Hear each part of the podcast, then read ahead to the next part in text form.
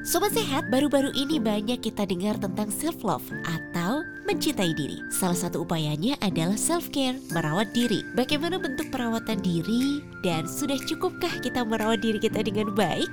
Akan kita kupas tuntas di sini. Let's check it out.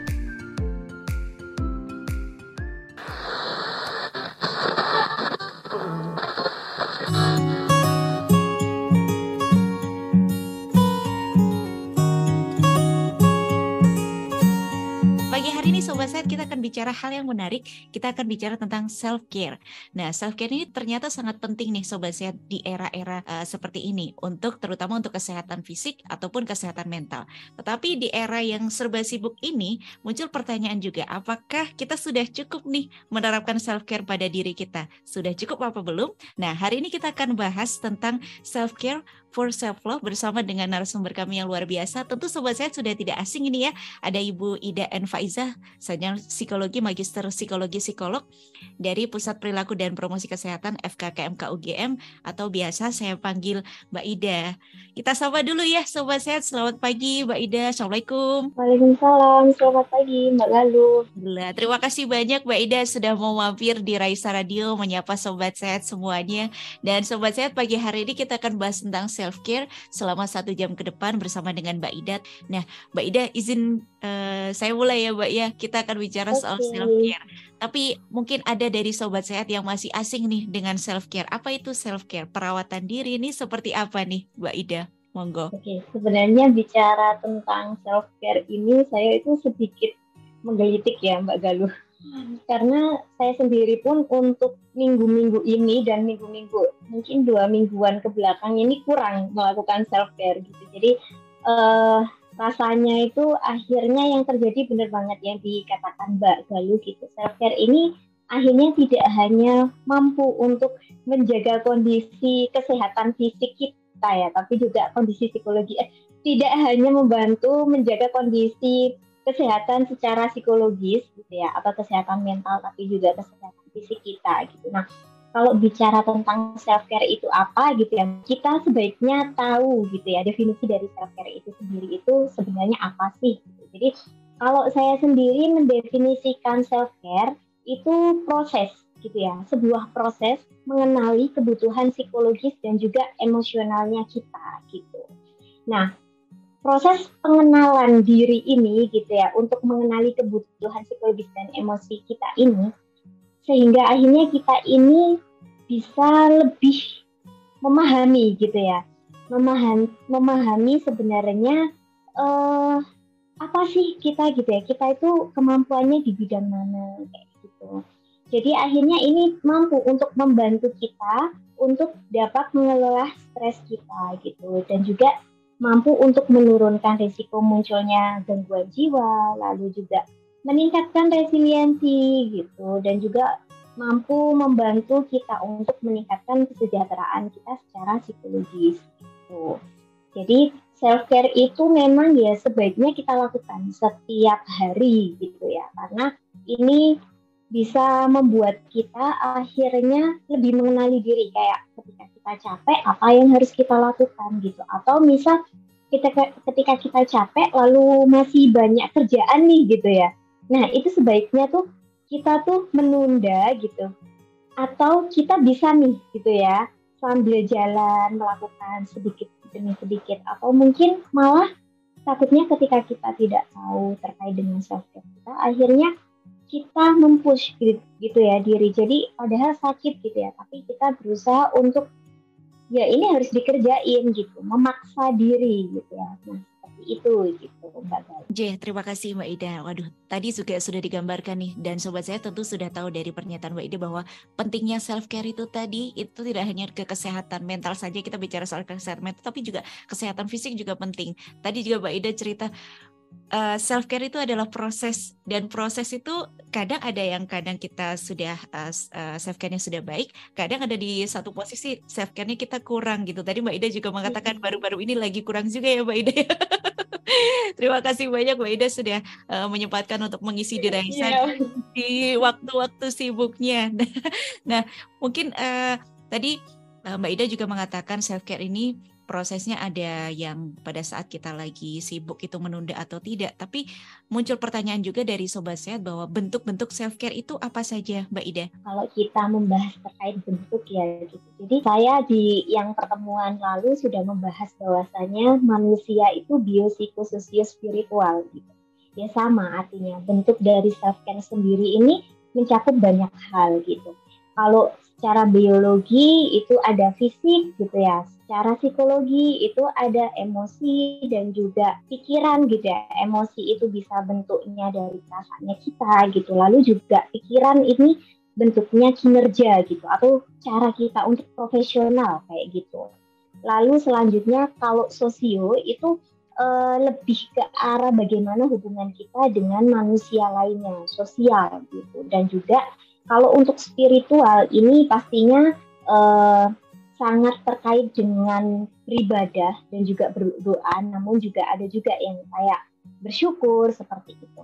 Nah, mungkin yang utamanya gitu ya, saya bahas satu-satu nih ya, Mbak Galuh. Jadi biar teman-teman bisa langsung ketahuan gitu ya, self care-nya itu bentuknya seperti apa gitu kalau secara uh, fisik gitu ya, yang biologi gitu ya, manusia ini kan butuh makan, tidur gitu ya, uh, istirahat. Nah, itu adalah bentuk dari eh, self care kita terkait fisik kita gitu. Jadi melalui makan makanan bergizi, lalu juga olahraga teratur gitu ya. Jadi yang uh, aktivitasnya mungkin kurang gitu, akhirnya ditambah dengan olahraga gitu kalau dulu juga saya sering, sering nih dengerin di Raisa gitu ya.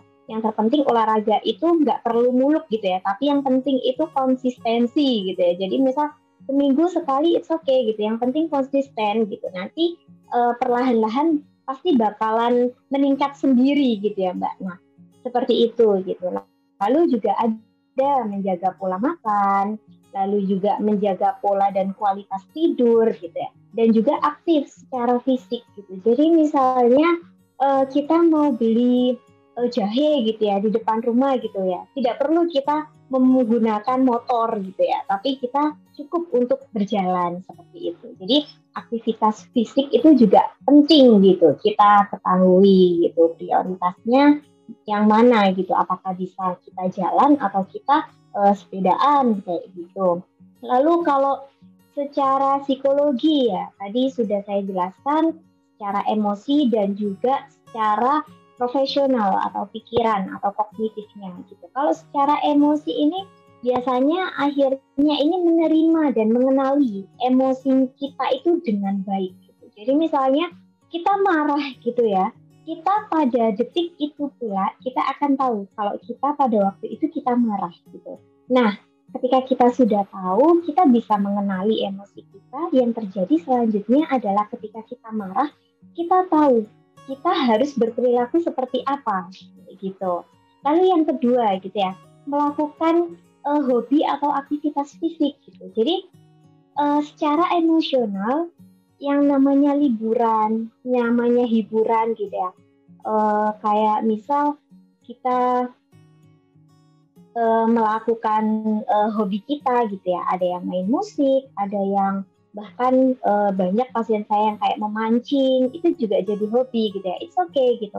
Selama itu kalian merasakan nyaman, kalian ngerasa aman dan kalian ngerasanya uh, setelah itu emosi kalian tuh rilis gitu. Yang mungkin awalnya pulang kerja itu berat gitu ya. Akhirnya setelah melakukan hobi ngerasanya lebih damai gitu. Lalu juga kalau secara pikiran gitu atau profesional gitu. Jadi kita mampu meningkatkan uh, dan juga membangun hubungan positif dengan rekan kerja sehingga kita mampu menciptakan uh, lingkungan kerja yang juga positif gitu. Itu juga salah satu bentuk dari self care gitu. Dan juga jangan lupa tidak hanya kita butuh untuk membangun hubungan positif dengan rekan kerja ya Mbak Galuh ya, tapi juga kita ini juga uh, butuh work life balance gitu. Jadi misal 24 jam dalam 24 jam gitu ya. Kita tidak mungkin kan dalam uh, eh, 12 jam sendiri ini uh, bekerja seperti itu. Jadi kita juga butuh gitu untuk mengenali gitu kapan kita waktu istirahatnya seperti yang saya sampaikan tadi seperti itu. Mungkin misal hanya bermain game gitu ya, itu pun jangan kebablasan gitu ya. Jadi banyak beberapa kasus yang mengatakan kalau aku nih lagi self care loh gitu ya. Tapi kebablasan gitu ya. Sampai main games yang harusnya eh, uh, 30 menit atau satu jam gitu ya. Ini jadi sampai berkepanjangan. Main sosial media gitu ya. Itu juga sampai berkepanjangan gitu. Nah ini salah satu kasus saya sendiri gitu ya tadi malam. Padahal udah tahu udah capek banget tapi uh, pas waktu nonton gitu ya main sosial media saya baru sadar loh kok udah jam segini? gitu. Udah sadar gitu. Jadi akhirnya langsung dimatiin gitu langsung istirahat kayak gitu. Nah jadi itu tadi gitu ya. Jadi self care itu banyak gitu. Terus selanjutnya ada sosio gitu yaitu bagaimana cara kita ini mampu terlibat dalam aktivitas sosial gitu kita bisa tahu gitu ya mana teman, mana lawan gitu ya sehingga kita bisa membangun hubungan yang sehat dan positif dengan orang lain gitu ya. Ada beberapa kasus gitu ya Mbak Galuh uh, yang saya temui gitu ya. Pada pasien-pasien depresi biasanya yang paling sering ini mereka lebih suka untuk menghindar gitu ya. Jadi uh, biasanya itu udah efeknya ya. Jadi udah efek beberapa kali karena dia tidak pernah self care. Akhirnya yang terjadi adalah dia lebih suka untuk menghindar gitu. Jadi akhirnya dia tidak memiliki minat gitu ya untuk uh, bertemu dengan orang lain gitu ya. Padahal ketika kita bisa berhubungan yang baik dengan orang lain itu juga mampu meningkatkan uh, kondisi kesehatan kita gitu ya. Lalu selanjutnya yang terakhir ini terkait dengan spiritual gitu. Saya tadi sudah menyebutkan ya kalau spiritual ini erat kaitannya dengan beribadah dan juga berdoa. Akan tetapi memang spiritual ini tuh tidak hanya bagaimana hubungan kita dengan Tuhan, tapi juga hubungan kita dengan alam semesta gitu. Jadi kita mampu gitu ya secara eh, kodratnya kita memahami gitu ya. Oh ternyata memang uh, alam semesta ini begitu baiknya gitu ya kepada kita gitu. Akhirnya kita mudah untuk uh, bersyukur kayak gitu. Jadi akhirnya dan juga spiritual ini itu juga uh, salah satunya juga kita juga mampu untuk membangun harapan-harapan positif gitu. Ketika kita mudah bersyukur gitu ya akhirnya juga kita akhirnya lebih mudah untuk uh, mengembangkan gitu ya harapan positif dan juga uh, menciptakan gitu makna positif pada diri kita gitu. Jadi uh, misalnya gitu ya kita sudah bersyukur oh aku bisa jalan eh pas jalan pagi gitu ya. Wah aku ternyata bagian dari uh, lingkungan ini semesta ini gitu. Harapanku aku bisa terus semangat gitu ya. Harapanku akhirnya aku lebih kerjanya ini lebih profesional gitu, lebih mudah kayak gitu gitu. Mm-hmm. Jadi bentuk-bentuknya itu banyak gitu ya Mbak Gali. Jadi uh, eh, self care sendiri itu ya terkait dengan biopsikososio spiritual itu sendiri. Mm-hmm. J, baik. Terima kasih Mbak Ida. Ternyata ada banyak yang perlu kita tahu tentang self care ya, sobat sehat. Ternyata self care itu tidak melulu tentang bagaimana kita mencari hiburan saja, tapi juga ternyata ada ada aspek fisik, lalu emosional, uh, dari psiko psikososial dan juga spiritualnya harus kita perhatikan. Ini Mbak Ida, apakah masih stay? Ini sepertinya sinyalnya. Oke, nah sobat sehat, uh, mungkin Mbak Ida sinyalnya sedang kurang baik. Nah, itu tadi sobat sehat ada dari segi fisiknya, makanya ini sudah kita penuhi apa belum untuk diri kita nih, istirahatnya, tidurnya, terus juga olahraganya ini sudah cukup apa belum? Lalu uh, secara emosi bagaimana kita mengatur pikiran kita agar tidak berpikir uh, negatif, lalu juga uh, segi sosial juga bagaimana kita berhubungan dengan orang lain dan segi spiritual juga terkait hubungan kita dengan yang maha gitu. Tapi tidak melulu soal itu, tapi bagaimana hubungan kita dengan alam semesta. Nah, Mbak Ida sudah join kembali? Iya, maaf banget. Tadi kayaknya internet saya putus. Uh, tidak apa-apa Mbak Ida kalau memang belum memungkinkan untuk on cam juga off cam tidak apa-apa Mbak kalau memang sinyalnya kurang bagus. Nah ternyata aspek-aspek itu ada beberapa yang perlu kita upayakan ya Mbak Ida. Apakah aspek-aspek itu berhubungan? Misal ada dari sobat sehat yang uh, merasa selalu sudah mengupayakan uh, dari sisi emosionalnya, pikirannya, sosial dan juga spiritual. Tapi kadang kita lupa nih untuk sesederhana makannya kurang cukup, lalu juga tidurnya, istirahatnya. Apakah hal itu juga uh, semua itu berkaitan, Mbak Ida? Iya, semuanya itu tuh berkaitan ya, Mbak Galuh ya. Jadi misalnya gitu ya, kita udah melakukan yang lainnya, tapi itu tadi ya ternyata bionya gitu ya, secara psikologi, eh, psikologis, secara fisiknya kita belum melakukan. Otomatis kita akhirnya sakit toh, gitu. Nah, ini yang mungkin yang terjadi pada saya gitu ya. Rasanya udah nih banyak gitu ya. Udah tahu oh oke okay, ini ditunda dulu gitu ya. Kerjaannya ini ditunda dulu akan tetapi uh, untuk istirahatnya ini kurang cukup kayak gitu. Jadi akhirnya yang terjadi adalah kita uh, kinerjanya kurang optimal gitu. Kayak saat ini tadi saya barusan ngechat Mbak Galuh ya kalau maaf nih aku kayaknya otakku nggak nggak cepet nih buat nangkep gitu ya karena itu tadi gitu. Jadi memang sebaiknya self care ini dilakukan gitu ya secara menyeluruh. Meskipun mungkin satu atau dua hal itu mungkin masih kurang gitu ya, it's okay gitu.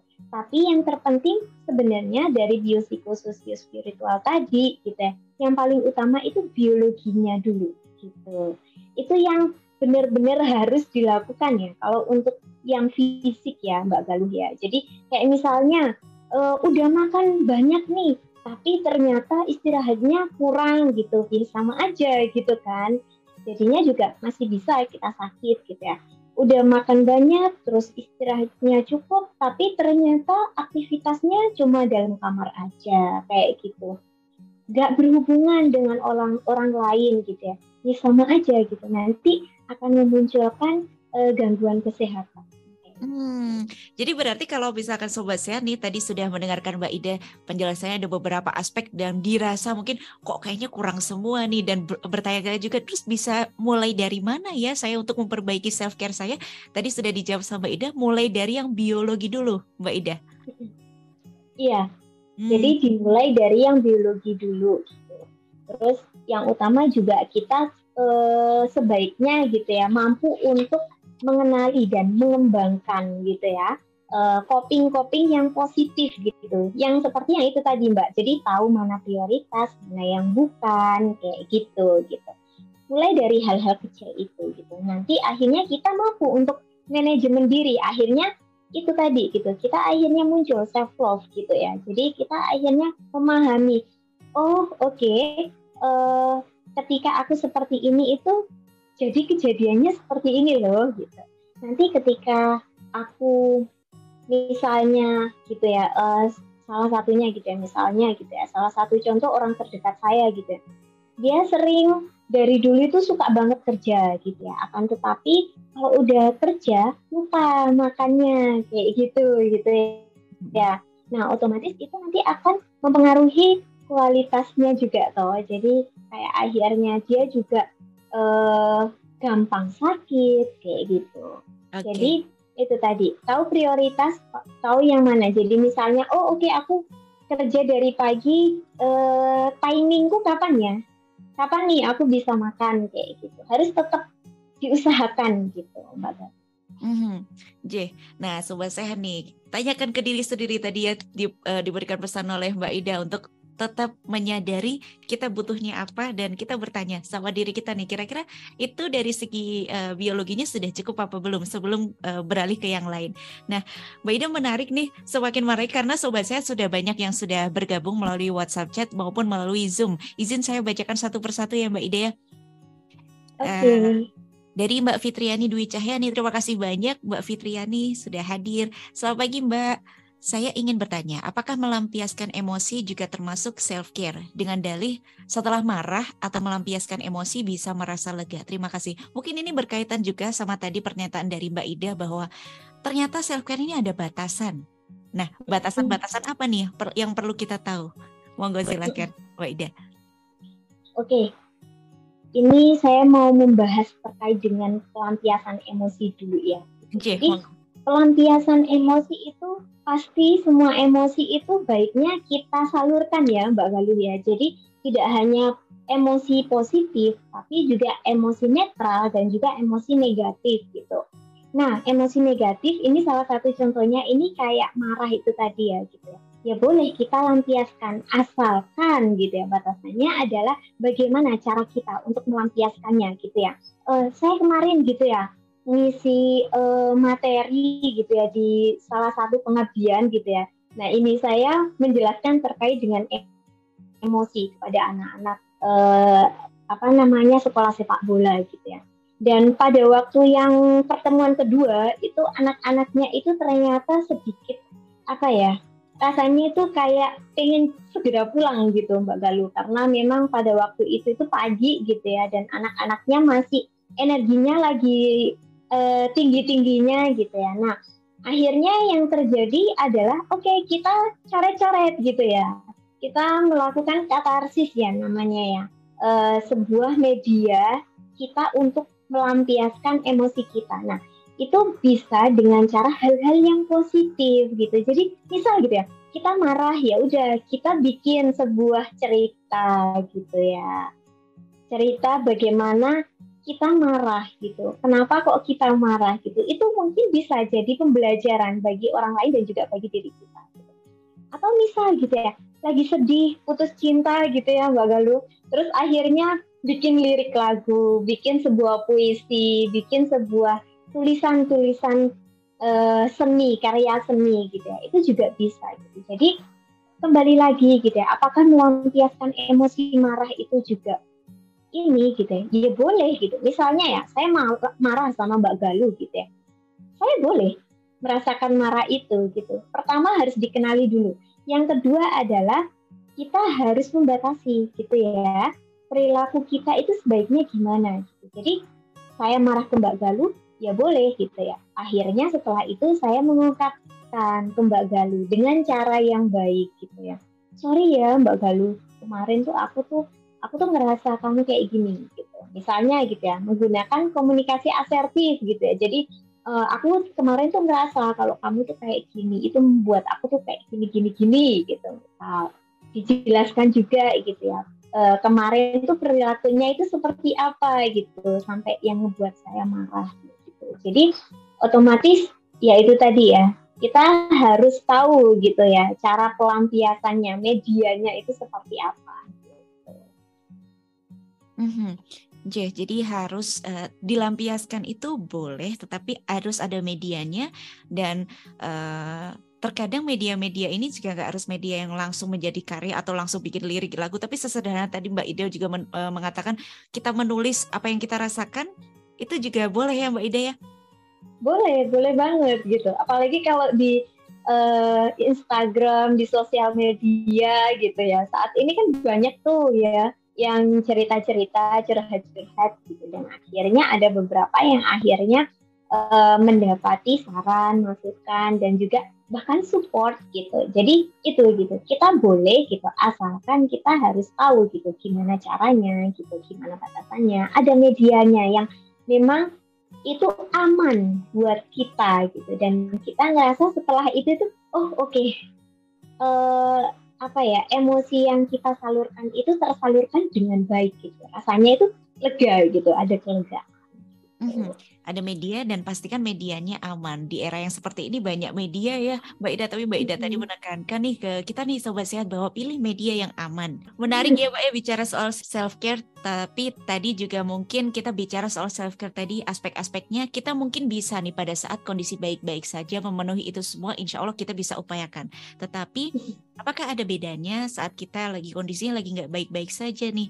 Apakah kita harus memaksakan semua semua itu harus semua aspek itu harus kita penuhi atau ada metode lain atau seperti apa, Mbak Ida? Kalau untuk self care kadang kala ya manusiawi sekali kita nggak bisa melakukan semuanya gitu ya Mbak Galuh. Makanya tadi Mbak Galuh uh, tanya gitu ya, sebaiknya itu prioritas yang utama itu mana dulu gitu ya tapi akhirnya saya menyebutkan bahwasanya prioritas yang utama adalah fisik gitu. Setidaknya minimal banget itu fisik udah terpenuhi gitu.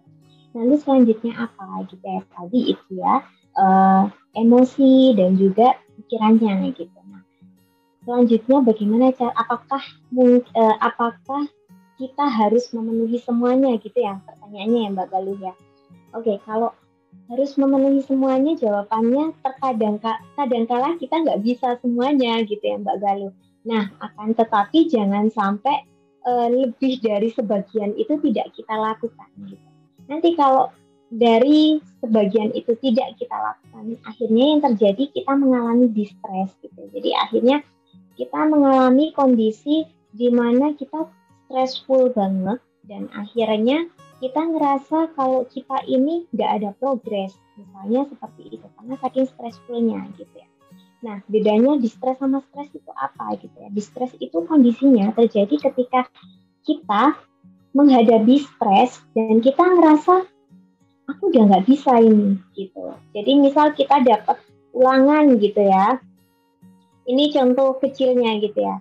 Kita dapat ulangan biasanya kita mengerjakan 1 sampai 10 kita bisa tapi yang ini enggak kita enggak bisa bahkan kita cuma bisa cuma sampai nomor satu aja gitu nah itu gitu jadi uh, stres itu merupakan hal yang normal yang setiap hari akan kita alami gitu akan tapi kalau udah di stres ini kondisi stressful yang itu akhirnya mempengaruhi kita uh, merasa gitu ya kita merasa nggak aman gitu nggak nyaman gitu ya secara emosi lalu juga akhirnya dapat mempengaruhi tingkat keberfungsian kita gitu. Jadi akhirnya kinerjanya kita juga terpengaruh gitu. Kita nggak bisa optimal dalam bekerja kayak gitu. Dan stres ini pun biasanya bergantung pada kondisi situasi gitu dan juga persepsi orang lain gitu ya. Misalnya gitu ya, uh, saya ngerasa saya mendapatkan stres gitu ya, di mana mungkin saya dapat deadline gitu ya saya merasa itu hal yang biasa gitu ya. Jadi otomatis oke okay, saya harus bisa uh, menyelesaikannya ini gitu.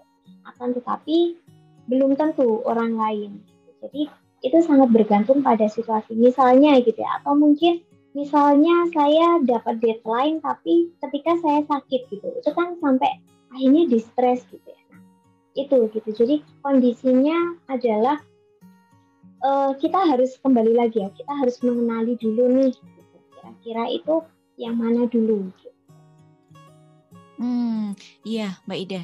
Jadi kalau misalkan kita tadi kembali lagi mengenali kondisi kita sedang tidak baik-baik saja, ya artinya self care kita dengan cara mengambil langkah lain ketika perlu membutuhkan pertolongan, ya kita lakukan. Itu adalah cara kita iya. self care gitu ya Mbak Ida ya.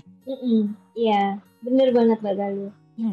Nah, sobat sehat nih perlu kita tahu juga nih, bahwa ternyata pada saat self care pada saat kondisi baik-baik saja dan tidak baik-baik saja tentu berbeda.